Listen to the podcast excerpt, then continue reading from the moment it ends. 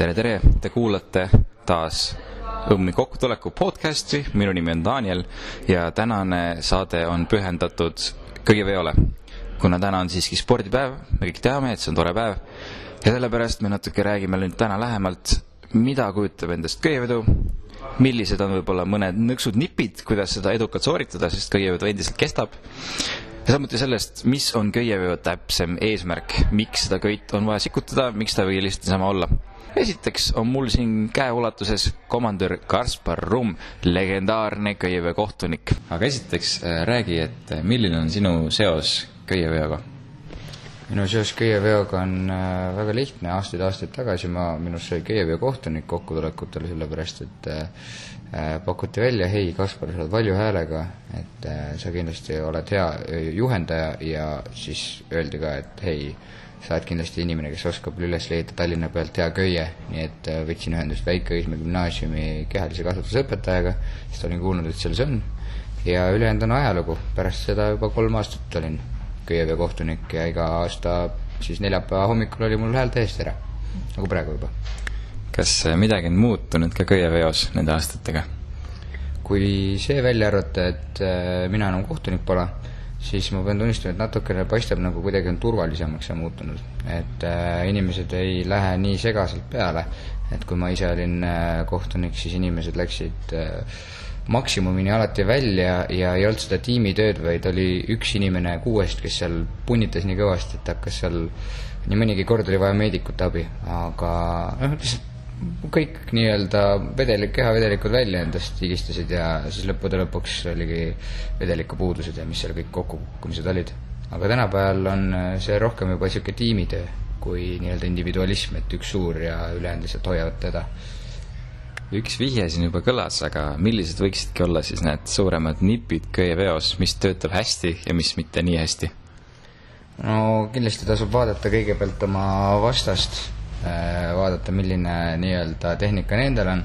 Äh, kui sa ise oled esimene tõmme, siis äh, mõistlik on läheneda ettevaatlikult ja võib-olla alustada üldse hoidmisega ja siis katsuda saada selle intervalli vahele, et kui üks tõmbab, siis sa mitte ta samal hetkel ei tõmba, vaid hakkad kohe vastu.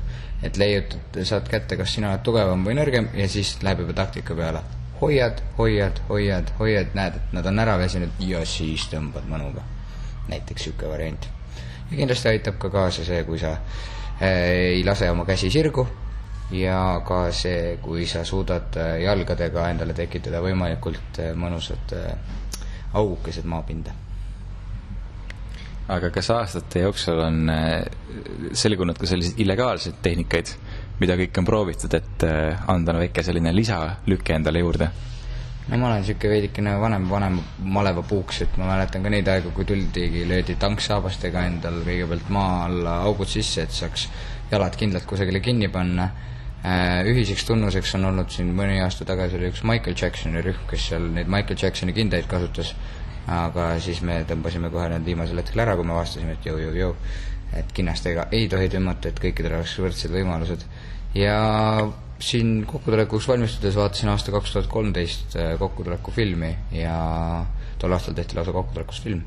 ja seal puhul oli tegemist sellisega, kui võitjad läksid lõpus rühmajuhtide vastu, siis niimoodi, et keegi, kõik keskendusid, oo, rühmajuht, rühmajuht, keegi ei vaadanud sellele, et äh, see Rancho, see, kellele läks siis äh, üks noor veel juurde, nii et seitsmekesi tõmmati kuue vastu. Hmm.. nii et kui sa oled võimeline tegema sohki niimoodi, et sa vahele ei jää, siis go nuts, aga tänapäeval kahjuks jäävad kõik vahele ja järgmisena on teie ees malevanur Mihkel Orissaare kahest, kellele pole köievedu mitte võõras. ja ma küsiksin kõigepealt, et räägi mulle, et milline on sinu seos äh, köieveoga?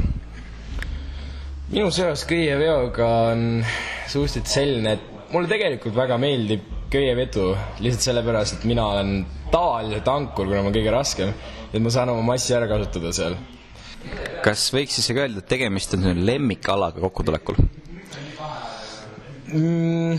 kui mitte just lemmikala, ma ütleksin, et see on nagu teine koht praegu äh,. lemmikala on ikka võrkpall mul, et mm, -hmm. et äh, ma olen tegelikult iga aasta olen tahtnud mängida võrkpallitiimis, aga ei ole saanud. või tead, Marjamaal ma mängisin, kuid siis äh, mul läks jalg tagurpidi ja ma ei saanud edasi mängida, aga nüüd Orissaares saan mängida lõpuks ometi. mida köievedu üldse mõõdab rühmas? mina ütleksin, et see mõõdab väga hästi tiimitööd. Kuidas see ühtsus tegelikult on teil, et kas, et, et teil peab olema see üks inimene, kes, kes ütleb, mida teha ja siis kõik peavad tegelikult kuulama teda. et, et see, mõõdab väga hästi rühma ühtsust, ütleksin mina mm. -hmm. milline on suurim viga, mida köieveos tavaliselt tehakse, mida sa oled ise näinud? ma tahaksin öelda seda, et, et inimesed hakkavad kätega tõmbama ja sellega väsivad käed ära ja sa ei suuda eriti kinni hoida enam ehk siis köievedu pole sugugi mitte see ala, kus ennast tõmmata täiesti peeneks, vaid vastupidi, tegemist on väga delikaatse alaga, kus kõige olulisem on siiski tiimitöö ja taktika, et mõelda natukene peaga, mitte ainult jalgadega, ja samuti see näitab tõesti seda, kui ühtne on rühm ja mis on nende mentaliteet, kui tugev on nende vaim, sellepärast et peas on see võistlus tegelikult kinni. no vot, aga äh, tulemustest saame rääkida juba hiljem seni panen lihtsalt südamele, et köievedu on väga meelelahutuslik ala, mida tasub kindlasti jälgida, veel rohkem kaasa elada. aga praegu täname teid lihtsalt kuulamast ja kuuleme juba peagi uuesti